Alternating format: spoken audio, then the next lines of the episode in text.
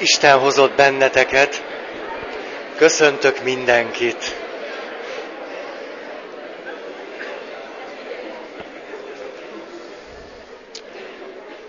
Múltkor hallhattatok sok-sok haszit történetet.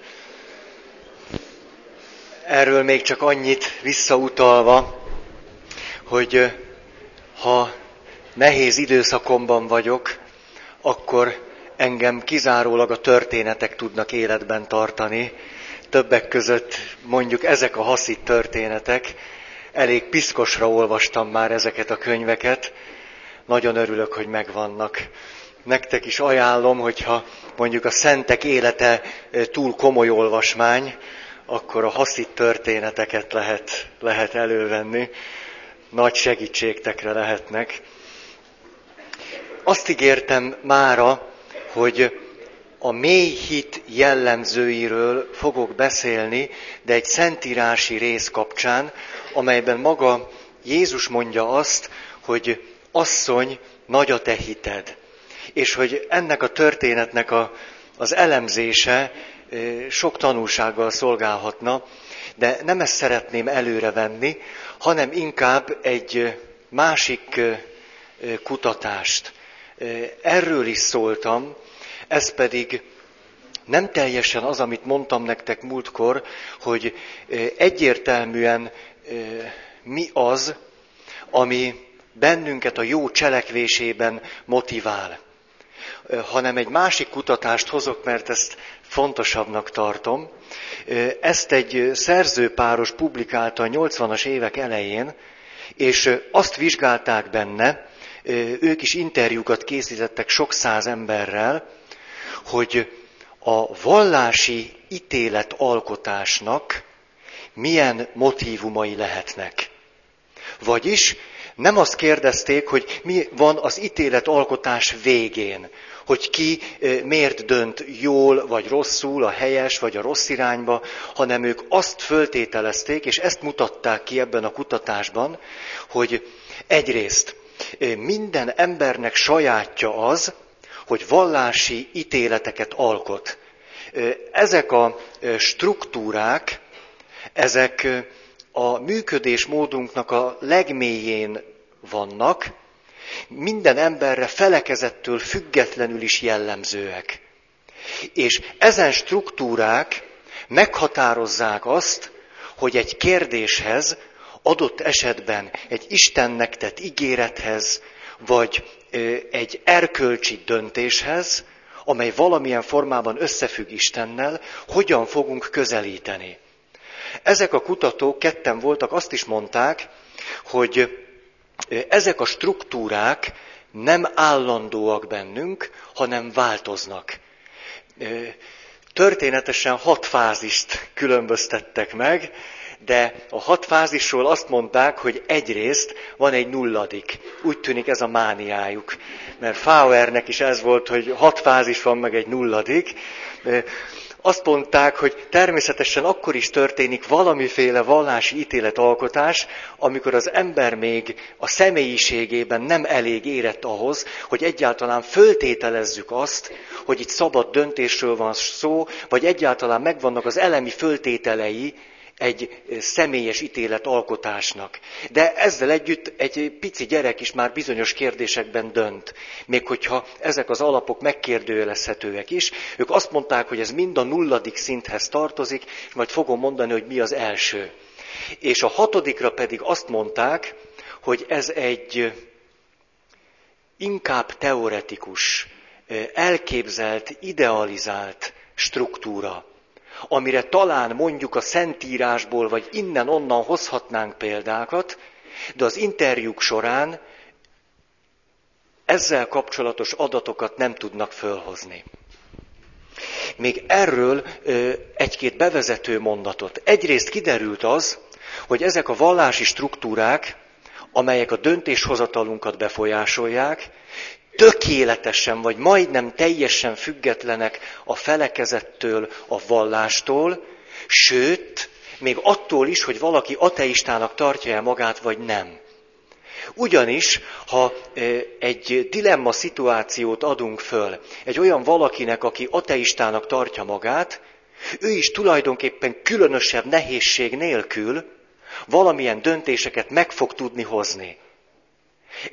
Ezzel ők két dolgot akartak mondani. Az egyik, hogy bennük is adott a, mondjuk ők így fejezték ki, vallási ítéletek alkotására alkalmas belső és mély struktúra, viszont azt is hozzátették, hogy egyáltalán nem akarják ezzel azt állítani, hogy ők az ateista embert burkoltan vallásosnak tekintenék, hanem csak arról beszélnek, hogy létezik egy ilyen struktúra a személyiségünkben. És egy ateista ember is képes a benne lévő ilyen jellegű struktúrája alapján döntéseket hozni. Természetesen beszéltek arról, hogy ezek a struktúrák alakulnak és változnak bennünk, és ezek egy fejlődést jelentenek, ők ezt sokkal határozottabban állították, mint ahogy Fauer benfoglaltan, de kimondottan erről nem beszélt. Egyáltalán nem kérdezték ezekben a kutatásokban azt, hogy hisznek-e Istenbe vagy nem. Azt sem firtatták, hogy milyen felekezetnek vagy vallásnak tagjai. Egyáltalán nem érdekelte ez őket, kizárólag erre a mély struktúrára voltak kíváncsiak.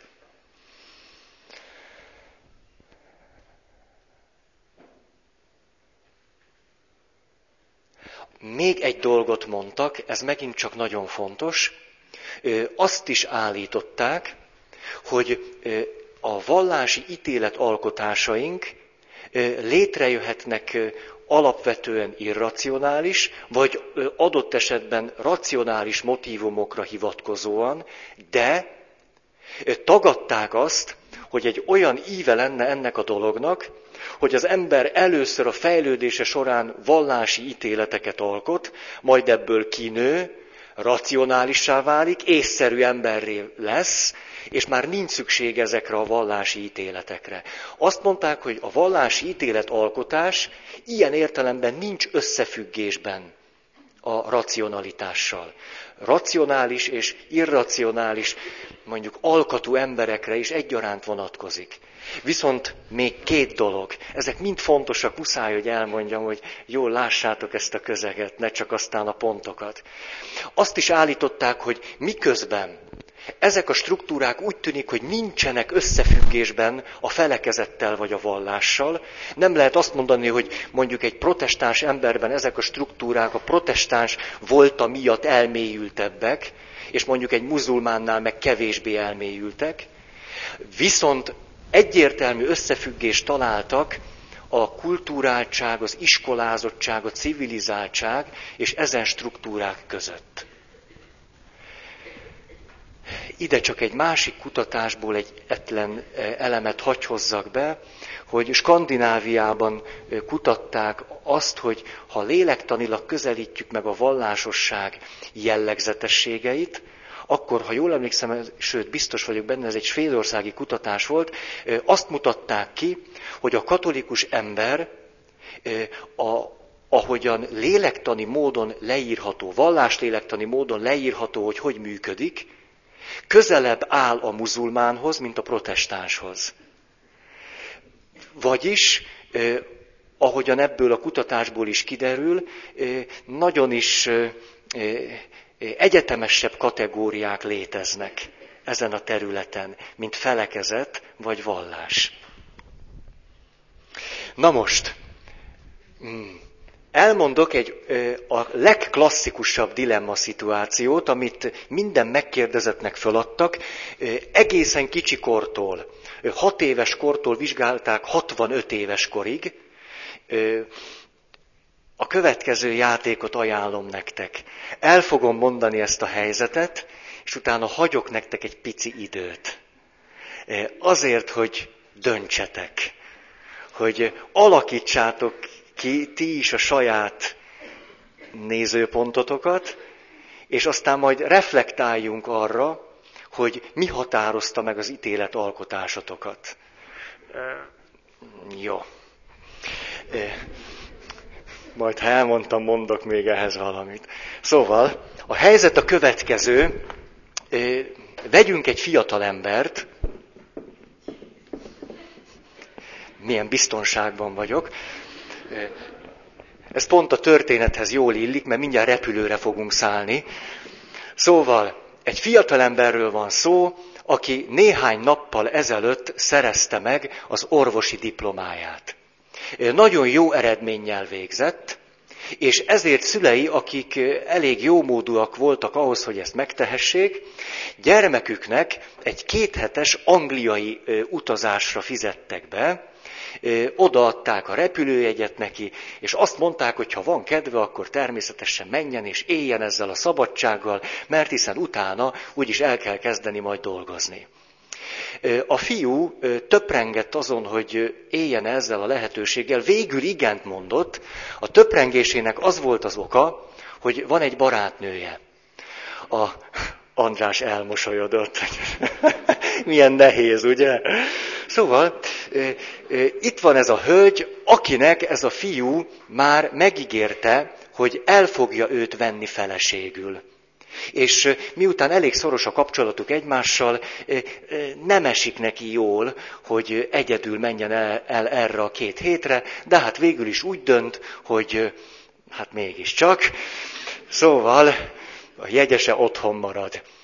Fölszáll a repülőre, és a repülő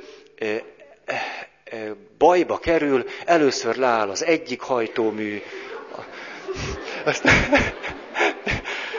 Tényleg így történik. Aztán leáll a másik, kettő van csak, tehát nem fokozunk.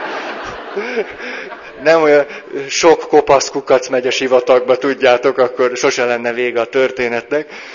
Tehát a pilóta elmondja a, a fiatalembernek, az összes utasnak, hogy muszáj így elmondanom, mert ez egy árnyalt történet. Hát nem, de tényleg az muszáj, hogy az legyen, mert nem volna elég nehéz a döntés. Na, és ezért aztán a, a fiatalember beköti az övét, kezd zuhanni, kezd megijedni, végül teljesen elveszti a levegőt a lába alól, és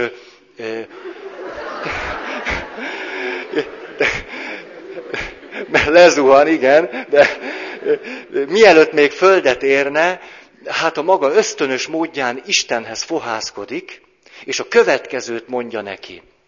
Uram, ha én túlélem ezt a helyzetet, most itt neked esküvel ígérem, hogy elmegyek a harmadik világ gyerekeit, szegényeit és betegeit ápolni, ezt fogom egész életemben csinálni, ha te engem megmentesz, és még mielőtt földet érne, arra is van ideje, hogy átgondolja, hogy mi lesz akkor a kedvesével.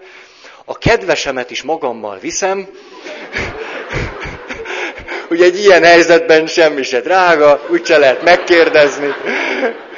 Tehát a kedvese is vele megy, ha pedig nem, itt azért durva lesz a helyzet, akkor szakítok vele, ha nem jön velem. Földet ér a gép, rengeteg halott, kivéve ő. Főhősünk megmenekül, haza, de ez egy komoly történet, ne, hát nem fogtok rajta gondolkodni, ne csináljátok.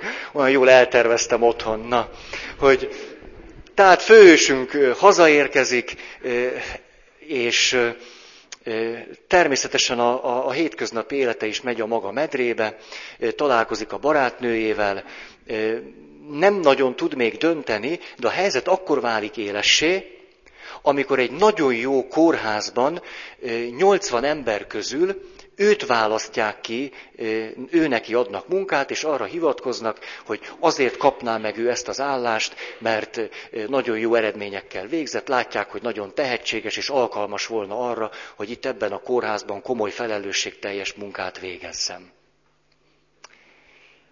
Idáig a történet. A kutatók azt a kérdést intézték, hogy mit kellene tenni, vagy te mit tennél, és meg kellett indokolni, hogy ha valamit teszel, akkor azt miért fogod csinálni. Írásban kellett adni a választ, de nektek nem kell. Egyetlen percet hadd hagyjak nektek, vagy felet hogy legalább egy, egy spontán válaszotok legyen erre a kérdésre.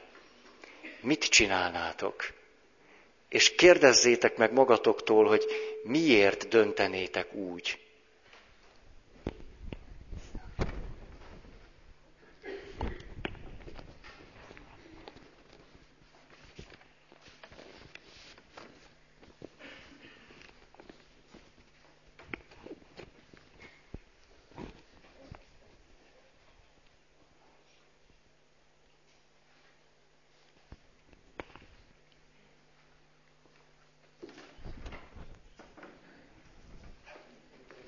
túl hangos volt a csönd. Ennyi idő persze nem biztos, hogy elég, hogy választ adjatok rá, de hát mit érdekel ez engem. Ezért aztán folytatjuk, mégpedig azzal, hogy a következőt kérném tőletek, ha még annyit meg tudnátok tenni, hogy idézzétek most vissza azt az első, legelső, talán a másodperc tört része alatt bennetek megfogalmazódó, talán nem is válasz még az, hanem inkább egy ilyen ösztönös irányt vagy sejtést. Mert az más, ami már mondjuk egyetlen perc eltelte után esetleg megfogalmazódott bennetek. Őrizzétek meg ezt az első és nagyon ösztönös valamit is. Vagy kérdezzetek vissza magatokra, hogy mi is volt az, ami adott esetben egy nagyon egyértelmű érzéshez kapcsolódott bennetek. Ezt is, ezt is ragadjátok meg és őrizzétek meg. Már az is tanulságos, hogy a kettő között van-e különbség. Meg az is tanulságos, hogy emlékszel erre az első és ösztönös rezdülésedre. Vagy fogalmat sincs. Na, még egy pici bevezető. Ez a szerzőpáros a következőt használta, hogy képes legyen elemezni a beérkezett válaszokat. Hét fogalompár alapján értékelték azt, hogy ki hogyan döntene ebben a helyzetben. Elmondom a fogalompárokat, különösebben nem akarnék itt leragadni, csak lássátok, hogy mi alapján hozták létre ezt a hat szempontot. Az első Nézték azt, hogy mi a beállítódása a válaszadónak a szent és a profán kérdésében. Aztán a transzcendens és immanens kérdésében. Aztán a szabadság és függőség viszonyában. Aztán a remény vagy célszerűség és abszurditás összefüggésében a bizalmat és a félelmet is nézték, aztán, hogy mi a beállítódás az illetőnek az állandósághoz és a mulandósághoz. És végül, hogy mi a viszonya a megmagyarázhatatlanhoz, vagy a funkcionálisan áttekinthetőhöz. Tehát ezen szempontok alapján elemezték a válaszokat. Még mindig egy bevezető gondolat, de már nagyon konkrétan ehhez a hat szemponthoz. Azt látták, hogy mindegyik fogalompár alapján a válaszoknak van egy lehetséges íve. Ha a szabadságot emeljük ki, akkor ez az ív nagyjából így alakul. Az első fázisban az történik, hogy aki az ítélet alkotását ebben a kategóriában vagy struktúrában hozza meg, teljességgel azt éli át, hogy ő nem szabad, Isten pedig totálisan szabad. Ezért ő totálisan függvénye az Istennek. Tehát egy, az ember egyáltalán nem szabad, Isten meg totálisan független. Ez abba az irányba kezd változni, hogy az ember egyre inkább fölfedezi, hogy valamennyire is szabad, ez pedig szép lassan kezdi az Isten szabadságának a korlátozását jelenteni. A harmadik fázisra az jellemző, majd erre úgy is kitérünk, hogy az ember lesz totálisan szabad, az Isten pedig korlátolt. Adott esetben nincs. És a folyamatnak a végén pedig az ember fölismeri azt, hogy relatív módon szabad, akkor is, ha hisz Istenben, akkor is, ha nem, de hogy a szabadságom relatív, van, de relatív, az Isten szabadsága pedig, ha van, akkor abszolút, de ahogyan ez megjelenik az életemben, az relatív. ez az íve. Még egy példa. Ha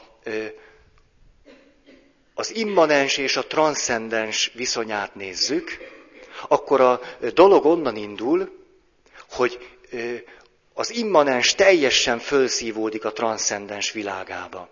Vagyis mindent a transzcendens határoz meg. Az immanens világnak semmi-semmi szabadsága nincs. Végül a kettő mereven elválasztható egymástól, van a mi világunk és van Isten világa. A kettő között lehet, hogy semmilyen összefüggés nincs. És a fejlődésnek, az ívének a végén pedig az van, hogy egyszerre megvan a létjogosultsága az immanens és a transzcendens dolgoknak, de ezek kölcsönösen átjárják egymást, egyik a másikban is képes megjelenni. Első fokozat. Az Isten egyoldalú hatalmával, tekintélyével beleszól a világ és az ember életébe. Tehát itt egy struktúráról van szó, amikor én vallási ítéleteket alkotok, akkor az én belső struktúrám az, hogy Isten kívülről totálisan meghatároz engem, és mindent eldönt, hogy az én életemben mi hogyan legyen. A következő válaszokat adták, ezeket most idézem, ilyen félmondatok formájában az interjúkból. Azt mondja valaki, természetesen ennek a fiatal embernek el kell mennie. Vállalnia kell azt, amit ígért, egyszerűen azért, mert megfogadta Istennek. Már pedig, ugye, ami ragad tapad. Tehát ha egyszer Istennek azt mondta, hogy megnyaltam a bélyeget, leragasztottam, akkor az többet nem lehet leáztatni. Az úgy van egy élményem ezzel kapcsolatban, hogy van egy keresztfiam, van több is, de most az egyikre gondolok, akivel ugye egészen pici korától kezdve nagyon jó a kapcsolatom, és mindig mondtam neki, hogy legközelebb ekkor jövök, legközelebb akkor jövök, majd ezt fogjuk csinálni, meg ilyesmi. És hihetetlen nagy teher volt számomra az, hogy ha valami közbe jött nekem, akkor hogy tudom elmondani egy két, három vagy négy éves gyereknek, hogy azzal együtt, hogy nem voltam ott, amikor megbeszéltük, bár adott esetben előre mondtam is, vagy szóltam neki előtt, hogy nem tudunk találkozni, hogy ő azt ne úgy élje meg, hogy én őt becsaptam. És máig emlékszem arra a fordulatra, ahogyan ez a keresztfiam, mikor egyszer fölhívtam, hogy ne is haragudj, de tudom, hogy megbeszéltük, hogy ekkor és ekkor elmegyünk, és találkozunk, és elmegyünk az állatkertbe, de most nem tudlak elvinni, mert valami közbe jött.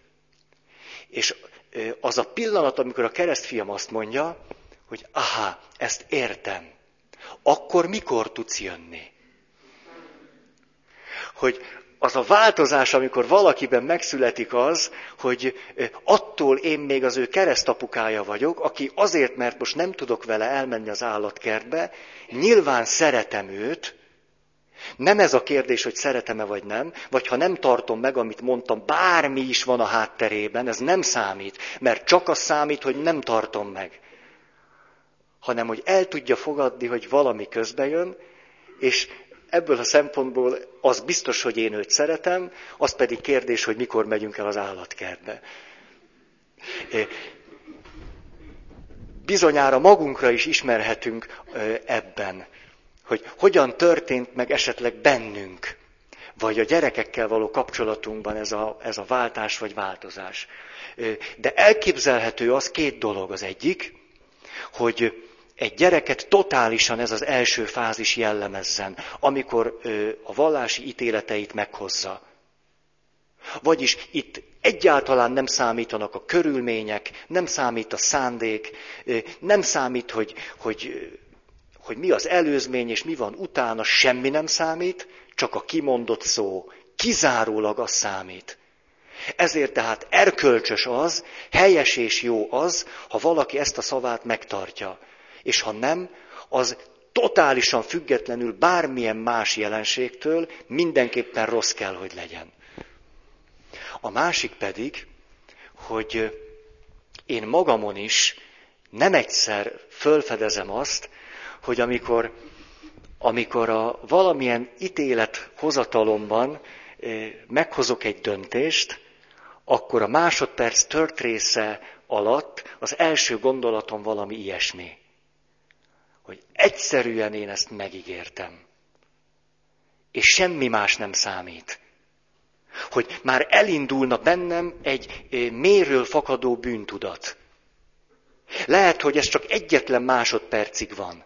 Már kezdeném magamat rosszul érezni, és szinte egy értelmes gondolat tudja csak föloldani a bűntudatomat. Mikor azt mondom, na jó, de hát nem érek rá. Vagy na jó, de hát dugó volt, hiába indultam el időben. De az első és ösztönös érzésem és az ítéletem önmagamról nem az, ami a, a két másodperc múlva megszületik, hanem ez. Nem tartottam meg, tehát rossz vagyok.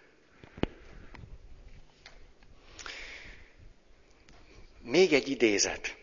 Ha a jó Isten segített, nekünk kutya kötelességünk teljesíteni, amit ígértünk.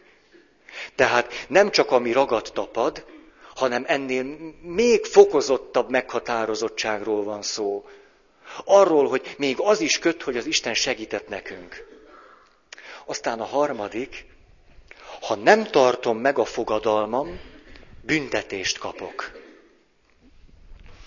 Megint csak el tudom képzelni, hogyha ha elég finoman és érzékenyen hallgattatok a saját belső hangotokra, hogy van köztetek olyan, akiben fölfakadt egy ilyen gondolat. Ha, a, ha az ember egy ilyen helyzetben nem tartja meg a szavát, amikor egészen konkrétan és közvetlenül Istennek köszönheti az életét, persze ez nem föltétlen van így, ez ennek a logikának a gondolata, akkor ha én nem teszem meg Istennek azt, hogy a fogadalmamat betartom, kizárólag büntetés lehet a következménye. Mondok egy felnőtt történetet. Egyszer csak csöng a telefon, és egy számomra ismeretlen ember hív, azt mondja, hogy ő egy nagyon vallásos ember, egy nagyon komoly dilemma helyzetbe került, és szeretne tőlem tanácsot kérni. Kérdezem tőle, hogy, hogy hogy jutott el hozzám, vagy miért pont engem hívott föl. Azt mondja, és már ez a megjegyzése hihetetlenül árulkodó, hogy igaz, hogy van neki több pap ismerőse, de azokkal ebben a kérdésben nem lehet beszélni. Ő neki egy olyan valakire van szüksége, aki őt meg fogja érteni. Ez ugye érthető utalás arra, hogy szeretném, hogyha te partner lennél abban, hogy úgy döntenél, ahogy azt én szeretném. Ebben a dologban nem csak az az érdekes, hogy valaki fölhív engem azért, hogy én legyek szövetséges társa abban, hogy ő hagyd döntsön úgy, ahogy szeretne dönteni, hanem az, hogy neki erre szüksége van. Vagyis, hogy ő valami, valamilyen értelemben már meghozta ezt a döntést. Ő igazolást kér, hogy ez a döntés helyes volt. De nem mindegy neki, hogy ki fogja igazolni. Egy papra van szüksége. Vagyis hiába hozta meg az ő saját döntését, ez nem elég erőteljes motiváció ahhoz, hogy kitartson ebben a döntésben. Még akkor sem, ha ő ezt a döntést helyesnek tartja. A tekintély embernek a szavára szüksége van. Nem segíthet neki senki más, csak egy pap. Ezért keresnie kell valakit, aki őt ebben a döntésében megerősíti. A helyzet a következő volt, azért mondom, hogy, hogy, hogy lássuk, hogy itt mondjuk nem csak ilyen történetek kapcsán merül az föl, hogy itt miről is van szó. A következőt mondja, az illető házaspárról van szó, megszületett a harmadik gyerekük. A harmadik kisbabát nagyon súlyos komplikációk árán tudta csak megszülni az édesanya, és a szülés után azt mondta a nőgyógyász, vagy a szülészorvos, nem tudom mi a különbség, hogy ha még egyszer megpróbálkozna azzal, hogy szüljön, az nagyon nagy valószínűséggel az édesanyja életébe kerülne. Egyszerűen azért, mert olyan állapotba került már most a harmadik szülés után, ő ezennel, ha megtehetné, megtiltaná neki, hogy még egy babát szüljön, természetesen azt is hozzáteszi, és nyilván a felelőssége kiterjed a már meglévő gyerekekre, mindegy. A házaspár azzal fordul hozzám, hogy ők elköttethetik-e, már nem ők nyilván, hanem egy orvos az asszonynak a petevezetékét. Ez a kérdés. Elég reális.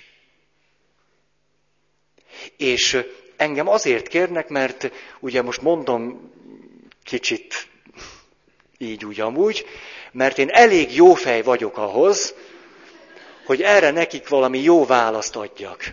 Ugye ezt nem kell mondanom, hogy ők mire gondoltak ebben az esetben, hogy mit jelent az, hogy én jó fej vagyok, és mit kell nekem mondani. Direkt nem mondom el, hogy mit mondtam.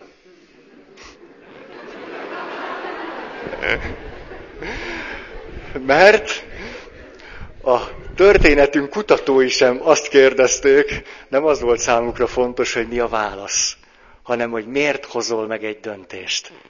Hogy mi az a struktúra, amiben egy válasz megszületik. Ebből a szempontból pedig tökéletesen mindegy, hogy én vagy ők milyen választ hoztak. A kérdés, hogy miért.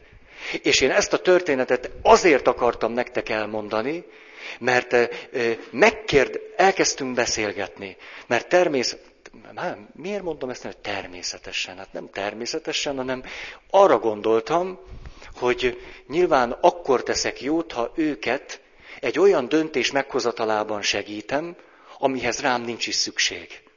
Tehát rám azért van szükségük, hogy ne legyen rám szükségük. Ahhoz, hogy ezt a döntést meghozzák. Ez így teljesen reális egyébként. És ahogy elkezdtünk beszélgetni, kiderült az, és ezért hoztam ide történetként, hogy a férj a következőt mondja. Eléggé szégyenkezett emiatt, úgy érezte, hogy ez az ő egyetemet végzett lényével és az ő hitével mondjuk bajosan összeegyeztethető, mégis a következőt mondta. Azért gondolom azt, hogy nem kellene elköttetni a feleségem petevezetékét, mert ha mi ezt megcsináljuk, akkor az Isten meg fog bennünket büntetni. Ha mi ezt megtesszük, akkor nem csak mi ketten, hanem az egész családunk meg fogja inni ennek a levét. Mert hiszen a gyerekeket hitem alapján Istentől kaptuk. Ha a gyerekeink Istentől vannak, akkor ezt a rendszert úgy tudom föntartani, hogy továbbra is jóban vagyok azzal az Istennel, és nyitott vagyok arra az Istenre, aki az életet adja. Ha én most ilyen durván beleavatkozom a Teremtő Isten művébe, akkor ő el fogja zárni a csapot. És én ezért vagyok most olyan hihetetlen nehéz helyzetben, hogy megmerjem -e ezt tenni, mert a gyerekeim és a, a családom életével játszom. Ez egy teljesen normális felnőtt ember.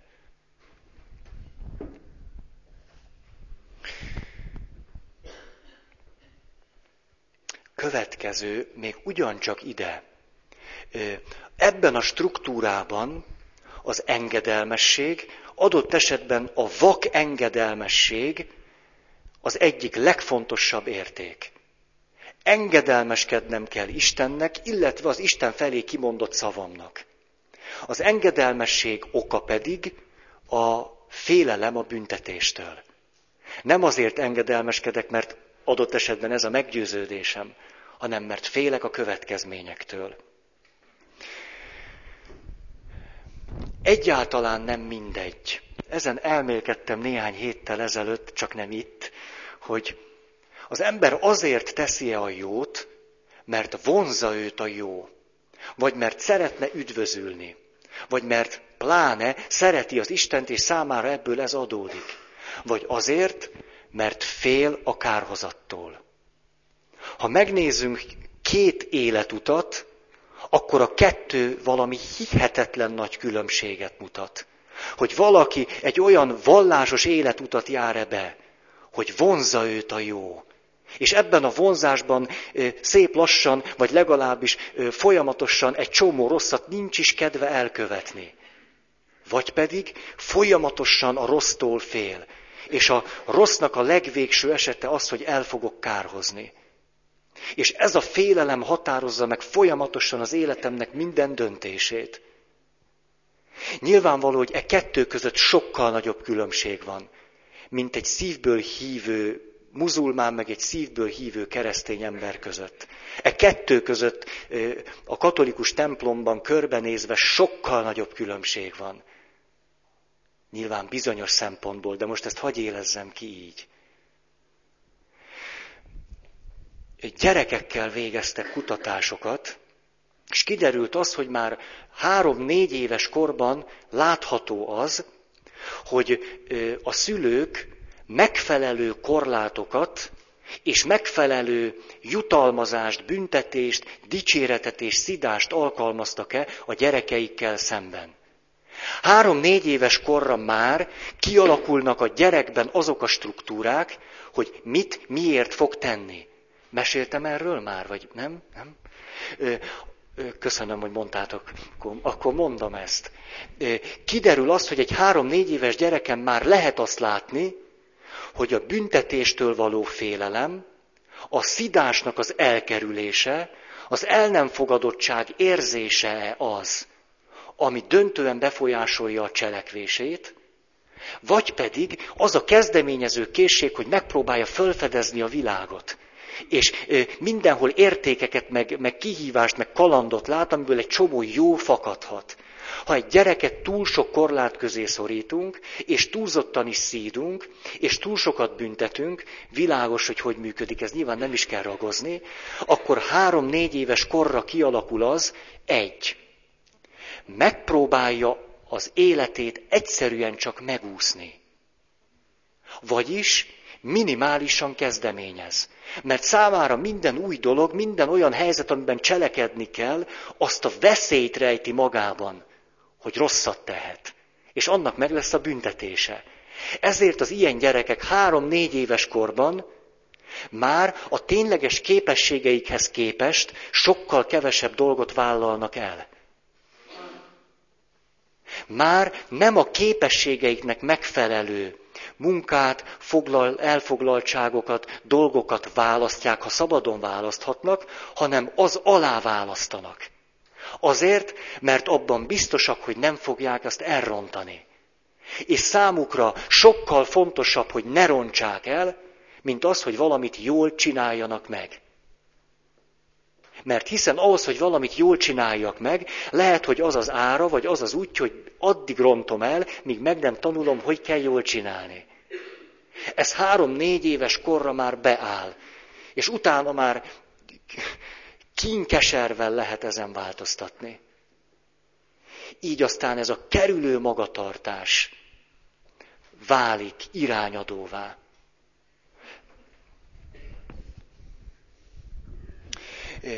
Ebben a fázisban tehát mindenestül Isten van az előtérben, nem azt mondom, hogy a középpontban, hanem inkább az előtérben, mint egy nagy árnyék. Egyrészt ő segítette főhősünket abban, hogy jól végezze az egyetemet.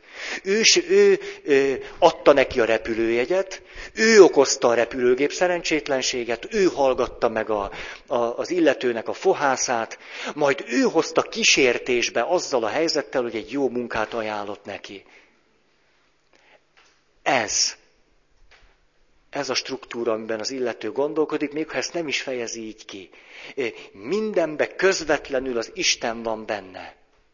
És az ember ebben, hogy mindenhol állandóan az Isten van, akinek a haragjától vagy büntetésétől félnem kell, ha rosszul cselekszem, ez teljesen meghatároz engem.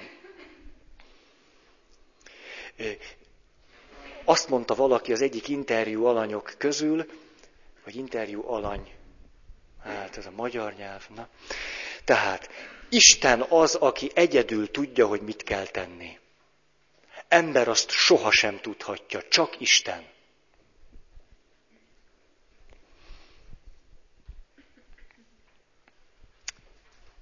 Második. Ez volt az első fázis. A második, vagy fokozat, Isten, a, ez a két kutató nem, nem mondta, hogy Isten. Azt mondta, hogy az abszolútum, vagy legfőbb valóság, vagy a transzcendens, kerülték ezt. De én azért most ezt így mondom. Tehát Isten ritusok általi befolyásolhatóságának megvan a lehetősége. Ez viszont azt jelenti, hogy már nem csak Isten hat rám, nem csak ő az, aki közvetlenül belenyúl az evilági eseményekbe, hanem az ember tehet olyan dolgokat, amelyekkel ő maga köti meg Istent. Vagyis itt létezik valamiféle kölcsönösség. A követelményeket azonban teljesíteni kell. Tehát valami jogi viszony alakult ki közöttünk. Isten is befolyásol engem, és én is befolyásolom Istent. Nekem meg kell tartanom a szavamat, amit Istennek ígértem, de Istennek is meg kell tartani a szavát, amit nekem ígért. Itt már megjelenik a szubjektivitás első jele. Részletek az interjúkból. Ha Isten segített, akkor nekünk is segíteni kell Istennek. Vagyis, ha Isten megtette a magáét, megmentette az én életemet, ezért nekem is meg kell tennem a magamét, és az életemet oda kell ajánlanom Istennek. Ez az adok, hogy adj. Adsz, és nekem adnom kell. Ez a világ. A kulcs szó ebben a fázisban a kötelesség. Istennel szemben kötelességeim vannak, azért, mert Isten adott nekem egy csomó dolgot. De, és persze ez már ebben a fázisban kimondottan nem szokott ennyire hangsúlyos lenni, csak amikor már megyünk át a harmadik fázisba, hogy Istennek is vannak kötelességei az ember felé. Az Istennek is valóban így kutya kötelessége megtenni azt, amit az embernek ígért. Vagyis a Szentírást kétféleképp lehet olvasni. Egyfelől elolvasom benne, hogy mi az én kötelességem Isten felé. Máskülönben pedig elolvasom, hogy mi Istennek a kötelessége én felém. Érzékelhető, hogy itt a, a cselekvésnek milyen, hát hogy mondjam, egyszerű struktúrájáról van szó. Elköteleződés, meg ilyesmi szóba se jön még. Csak kötelességek. De ezek már kölcsönösek legalább. Ha mi jók vagyunk, Isten is jó lesz hozzánk. Ha mi jók vagyunk, Istennek jónak kell lenni hozzánk. Ha Isten jó hozzánk, nekünk is jónak kell lenni Istenhez. Eh, ahogy készültem, akkor döbbentem rá, hogy én kereszteléskor szoktam erről beszélni. Eh, ösztönösen eh, úgy tapasztalom, hogy nagyon sokan vannak felnőtt emberek is, akiknek a, a döntéseit az első fázis motiválja, vagy első struktúra motiválja talán legelemibb módon. Ezért, ha ők át tudnának lépni legalább ebbe a kölcsönös fázisba, az már valami fejlődést jelentene. És nem ezért erre most csak reflektálni tudtam, hanem talán egy ilyen ösztönös pedagógiából láttam azt, hogy vannak szülők, akiket ez a szempont roppantul meg tud érinteni. Vagyis, hogy a keresztségben ők kérnek valamit Istentől, és ennek van egy másik oldala, hogy ők is tehetnének valamit Istenért. Természetesen nem ebbe a kockába nyomorítom őket be, hanem csak, csak megpróbálom azt, hogy sejtsenek arra rá, hogy létezhet egy kölcsönös viszony. Ő meg Isten között.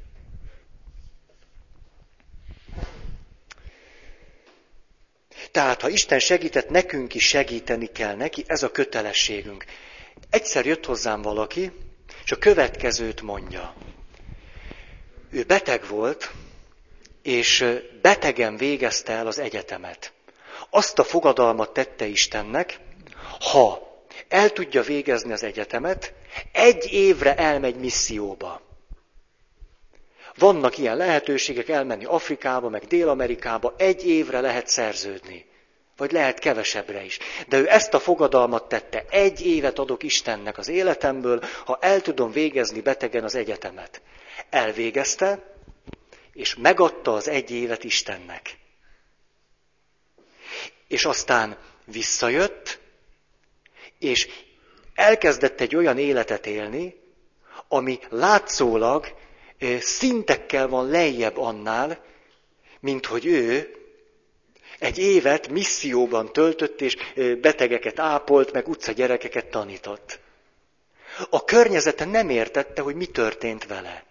Hogy hogy lehetséges az, hogy az életéből ad egy évet ilyenre, hogy egy, egy idegen világba elmegy, a nyelvet se tudja, majd visszajön, és elkezd gazemberkedni. Hogy ez hogy van? Valahogy így. Adtál, ezért adok. Ezt ígértem meg, vissza is kapod. Megint, hát, azt nem, hogy abban nem lesz köszönet, mert ahogy ő azt az egy évet csinálta, az, az tisztességes volt, rendes volt, jól csinálta. De nem belülről jött, de ebből a struktúrából. Nem egy elmélyült Isten kapcsolatból fakadt, hanem ebből.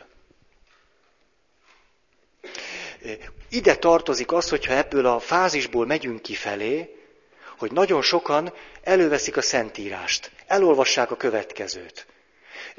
Aki kér, az kap. Aki keres, talál. Zörgetőnek ajtót nyitnak. Puff nekiáll, kér, keres, zörget. Másnap fölébred, körbenéz, csizmájában nincs semmi kulás figura, se semmi. Puff, a dolog el van intézve. Isten nem adott, akkor a dologgal le lehet számolni. Ezt most hihetetlen primitíven mondtam.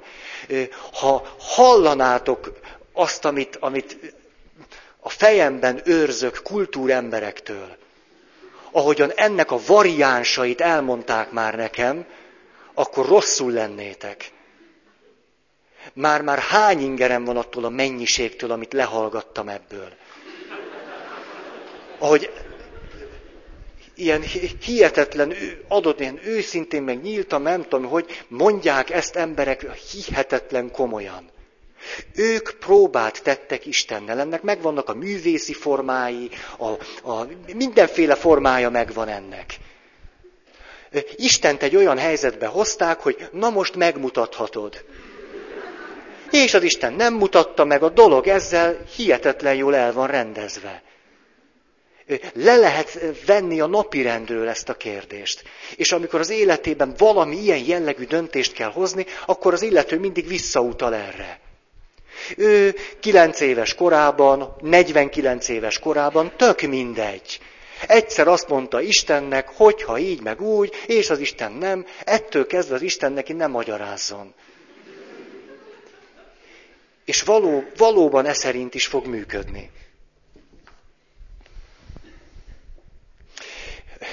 Egyszer egy azóta sem megtért ember a következőt mondta nekem. Jó, beleragadt ebbe a struktúrába, vagy a struktúra ragad belé, hogy következőt mondja, hát tudod Feri, én világ életemben ateista voltam, téged mindig is egy kicsit hülyének tartottalak, de képzeld el, múltkor kísértésbe estem. Elmondja a következőt, miután kereskedő az illető, azt mondja, az egyik kereskedelmi partnere, miután nagyon jóba lettek, hát nyilván ilyen üzleti jóba, azt mondja neki, hogy hát nézd, most jóba vagyunk, elmondom neked, hogy tulajdonképpen én nem csak veled üzletelek, hanem Istennel is. Hát persze, az én ismerősöm ezt nem értette, hogy hogy van, és akkor ő elmondta, tudod, én hívő ember vagyok. Pontosan tudom azt, ha megtartom Isten törvényeit, az Isten nekem jó üzleteket fog hozni. És én gazdag leszek. Zárójel, hit gyülekezete. Zárójel bezárva. Isten áldása és adománya az anyagi jólét. Ezért aztán tudod, én mindig hihetetlen korrektül megtartom az erkölcsi parancsokat, törvényeket, és látod, milyen jól megy dolgom. Az én ismerősöm, aki ezen a területen volt egyedül megragadható az Isten kapcsolatot illetően, megkeresett engem, mint szakértőt, hogy eddig ő engem totál hülyének tartott, de hogy most valamit megsejtett. Hogy hát éhezni nem éhezek, Toyota is van, lakás is van, ruha is van, nyaralás is van. Te Feri, te tudsz valamit? Hogy árulnám el neki így, így csak magunk között, hogy ez tényleg bejön. Tehát, hogy ez, mert többé-kevésbé annyira meg, szóval kár, hogy nem láttátok. Annyira megérintette őt ez, hogy valóban totálisan nyitott lett. Ez a dolog annyira kinyitotta őt erre, hogy hogyha én ott akkor azt mondtam volna neki, hogy tehát, ha nem árulsz el senkinek, ez tényleg bejön. Ez, ez. Én is megtaláltam a számításom. Neked is csak jót ígérhetek. Az az egy-két erkölcsi törvény, amit be kell tartani, nem nagy cucc ahhoz képest, hogy dől a lé. De én elég piszok voltam ahhoz, hogy némileg fölvilágosítottam arról, hogy ez nem föltétlen megy így, és látjátok, sikerült megakadályoznom, hogy megtérjen. Ez, hogy az Isten mit szól ehhez, azt nem tudom, de tudjátok, ezekre az eseményekre milyen büszke vagyok, mikor jegyes párok elállnak a házasságkötéstől. Mikor hivatás hivatással kapcsolatos töprengők elállnak a papságtól, ezek mérhetetlen elégtétellel töltik el a szívem, hogy lám-lám jó úton járok. Értelmezzétek, ahogy szeretnétek. Na még ide. Az Isten persze, ez már egy picit árnyaltabb gondolat ehhez a kategóriához, Isten persze azzal tesz csodát, aki ezt megérdemli.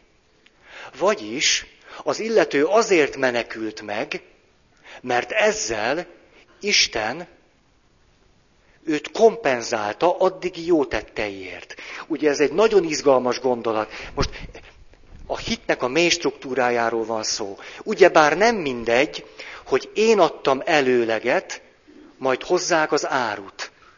Vagy, vagy fordítva van a dolog.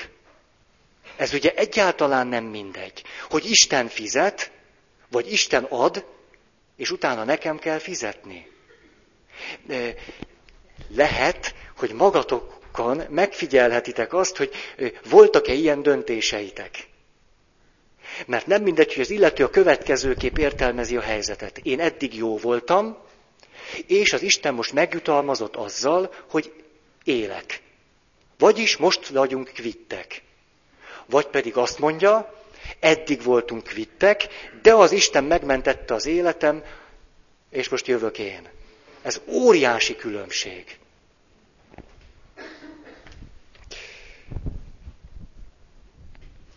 Ebben a helyzetben már nem vagyok teljesen tehetetlen, mint az első fázisban, hanem már én is hozhatok olyan döntéseket, amelyek szabadságból fakadnak, és ezzel befolyásolhatom Istent. Isten és köztem üzleti kapcsolat van. Ennek a kölcsönös kapcsolatnak azonban ez is fontos, a kölcsönös jóindulat az alapja. Tehát többé-kevésbé megbízunk egymásban, addig, ameddig teljesítjük elvárható kötelességeinket. Ha Isten nem teljesít, akkor vége a jó indulatnak. Mert ingyen semmi sincs, mondja az ember Istennek. Na most, jegyes párokon láttam gyakran ezt a jelenséget. Mikor elkezdünk arról beszélni, hogy miért akarnak szentségi házasságot kötni. És miről szokott fölfoghatni sokakban az, hogy nem vagyunk hívők, nem gyakoroljuk a vallást. Számunkra tulajdonképpen ez semmit sem jelent. De szeretnénk Isten áldását a házasságunkra. Ez egy nagyon tipikus dolog. Még akár így is kimondva, hogy tulajdonképpen én nem hiszek Istenben, de kérem Isten áldását.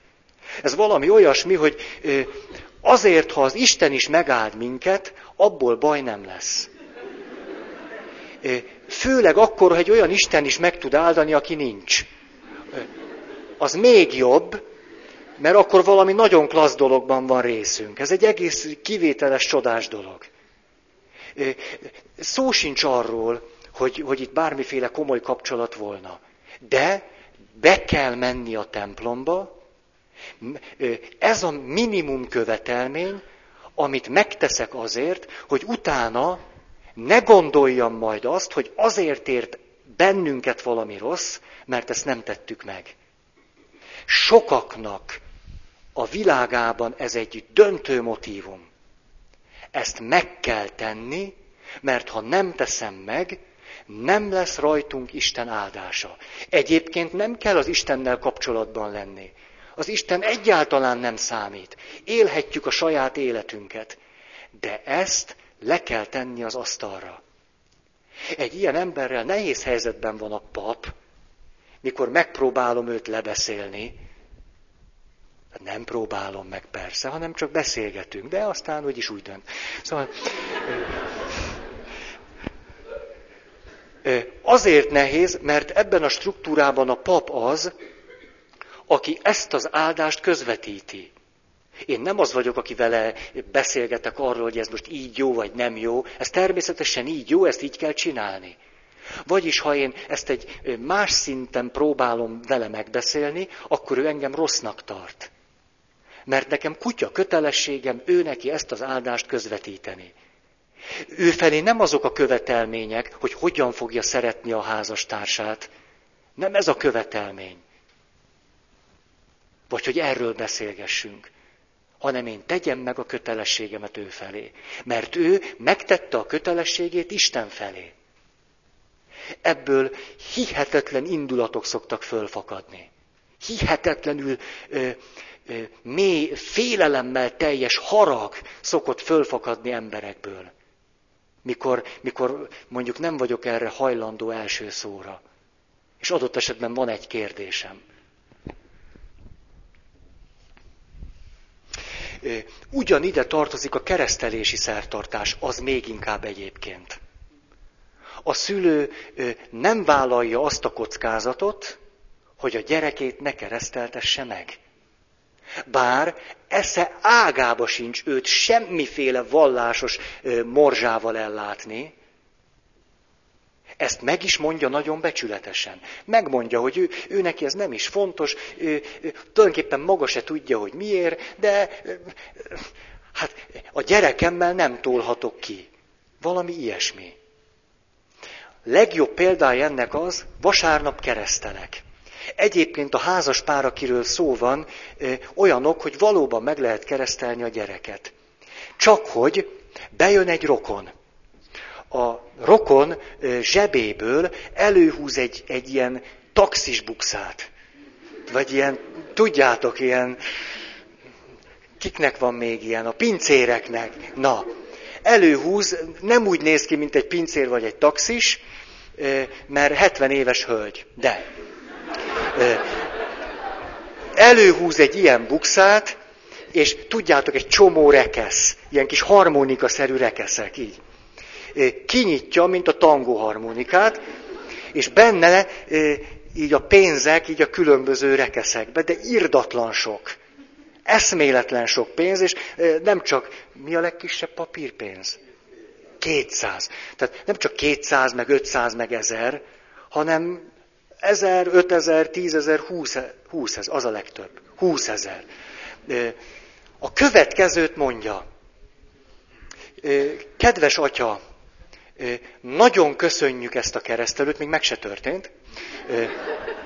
Nagyon köszönjük, kinyitja egy harmonika, kinyílik, és akkor ilyen, ez a laza mozdulattal, piff egy ötezres.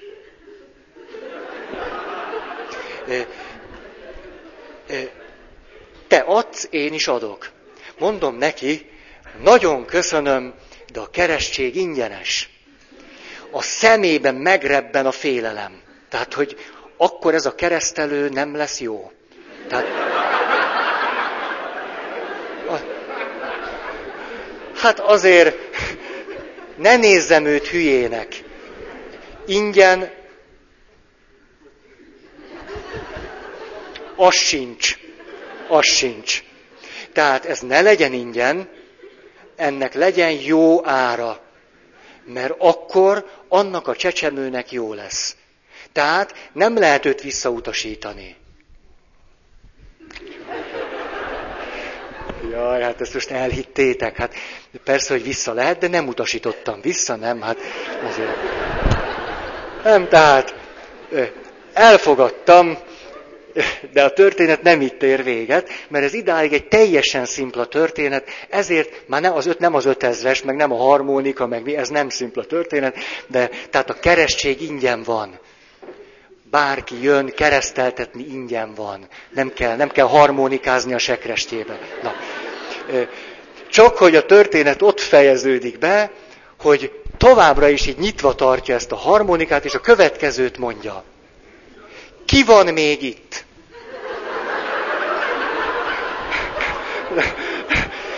Először nem is értem, hogy mi az, hogy ki van még itt. Hát mi ketten vagyunk itt, hát most adjam vissza, vagy mi? mi? Látja, hogy elég bután nézek rá, ez szokásom, úgyhogy azt, azt kérdezi, hogy ö, ö, ki van még itt? Harangozó, sekrestés, irodis. Mondom, hát a sekrestés. Jó, akkor szeretne vele találkozni. Jön a sekrestés, harmonika kinyílik, ötezres puf. Van-e még itt valaki? Hát... Most gondoltam, hogy mondom neki, hogy szűzanya, Úr Jézus Krisztus, meg a szentek, Szent Antal, vannak perselyek elhelyezve. Tehát, szereti ezt a harmonikázást, hát nem, nem vagyok ellene, de Sekrestés úgy meglepődött ezen, hogy, hogy elkezdett ott tiltakozni, én meg eljöttem. Úgyhogy ne, ne, ne, nem bírtam már ezt tovább, úgyhogy elfogadta vagy nem, nem tudom, mert nem kérdeztem tőle meg. És aztán de még csak ezzel sincs vége a történetnek, hanem miután, tehát ő megadta a magáét, ezután a keresztelés közben, miután látja, hogy milyen aranyos vagyok a kis babával, nyilván az van benne, hogy hát, nem, hát, na ja, mertem volna nem aranyos lenni nagyon aranyos vagyok vele, és akkor egy ilyen hihetetlen kedves gesztus, de miközben csinálom, azt mondja, hogy atya, maga mögött látom a glóriát. Ezt mondja vasárnap a keresztelésen. Tehát egy ilyen, mert miről van szó? Arról aranyos vagyok a kiskölyökkel, ő is aranyos velem. Tehát a keresztelésért volt az 5000, az a kedves szavakért meg vannak a kedves szavak. Ez így megy. Tehát ha ő nem dicsér meg engem, akkor a gyerek lesz adós. Hát azt meg nem. Tehát azért ne kelljen egyszer se jönni a templomba, inkább gyorsan megdicsér engem, és a számla ki van egyenlítve. Na, hogy állunk?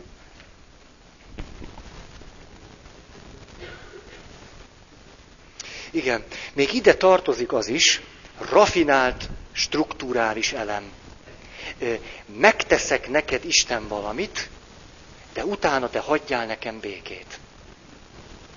Vagyis egy kicsit adósommá teszlek téged mindig, és utána akkor nyújtom be a számlát, amikor az nekem jól esik.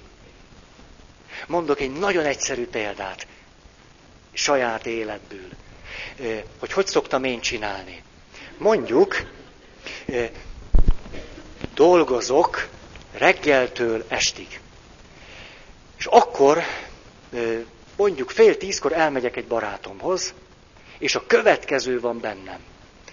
Nézd, uram, reggeltől estig a te szőlődben kapáltam. Sok-sok hajtás, meg gyümölcs, meg minden fakadt ebből, ezt te is jól tudod. Ezért én most gyorsan fogok hajtani. Re- rendben van? Tehát ennyit megtehetsz nekem, hogy most e fölött szemet hunysz. Tehát én egy csomó szabályt betartottam, rendesen, becsületesen, hallgattam embereket, figyeltem, okosakat mondtam, megsimogattam őket, de most gyorsan fogok vezetni. Öregasszonyok ugorjanak, kisbabák repüljenek, de most jövök én. Ha ez mondjuk tízszer nem jutott eddig életembe eszembe, akkor egyszer se. Na, ezt talán most ne is folytassuk, mert nem szeretném elmondani, hogy ezek után hogy szoktam vezetni. Mert nem erről beszélünk, hogy mik lesznek a következmények, hanem a struktúráról. Hála Istennek. Akkor a harmadikba már nem kezdek bele, inkább elmondok nektek egy viccet vagy belekezdjek, de nem, nem, nem bírom befejezni, azt úgy nem szeretem. Nem, azért annyira vagyok kényszeres, hogy nem, két teljes pont, és akkor jól érzem magam. Na, a vicc erről szól, hogy a döntéseink és az eredmények és a többi. Szóval,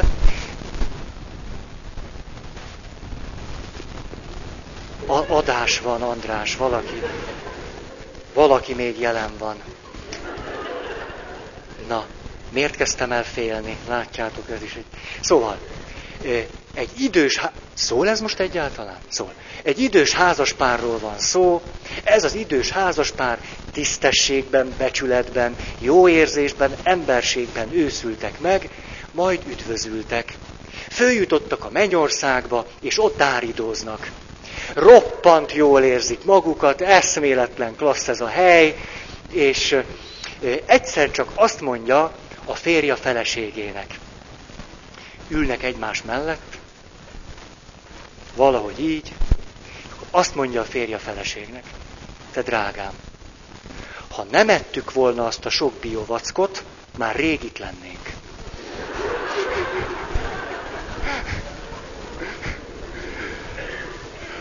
Vagyis jól fontoljátok meg, mit hogyan csináltok de ezt a történetet nem kívánom tovább elemezni, rátok bízom. Nagyon köszönöm a figyelmeteket, jó volt veletek lenni, sok klassz dolgot mondtatok, nagyon jó volt. Köszönöm. Na, akkor vannak hirdetések. Az egyiket azt én mondom, nem hoztam el a naptáram. Ez nem, nem tudatos volt, teljesen véletlen, úgyhogy ezzel reménytelen helyzetbe hoztam magam. Ki szeretne hirdetni?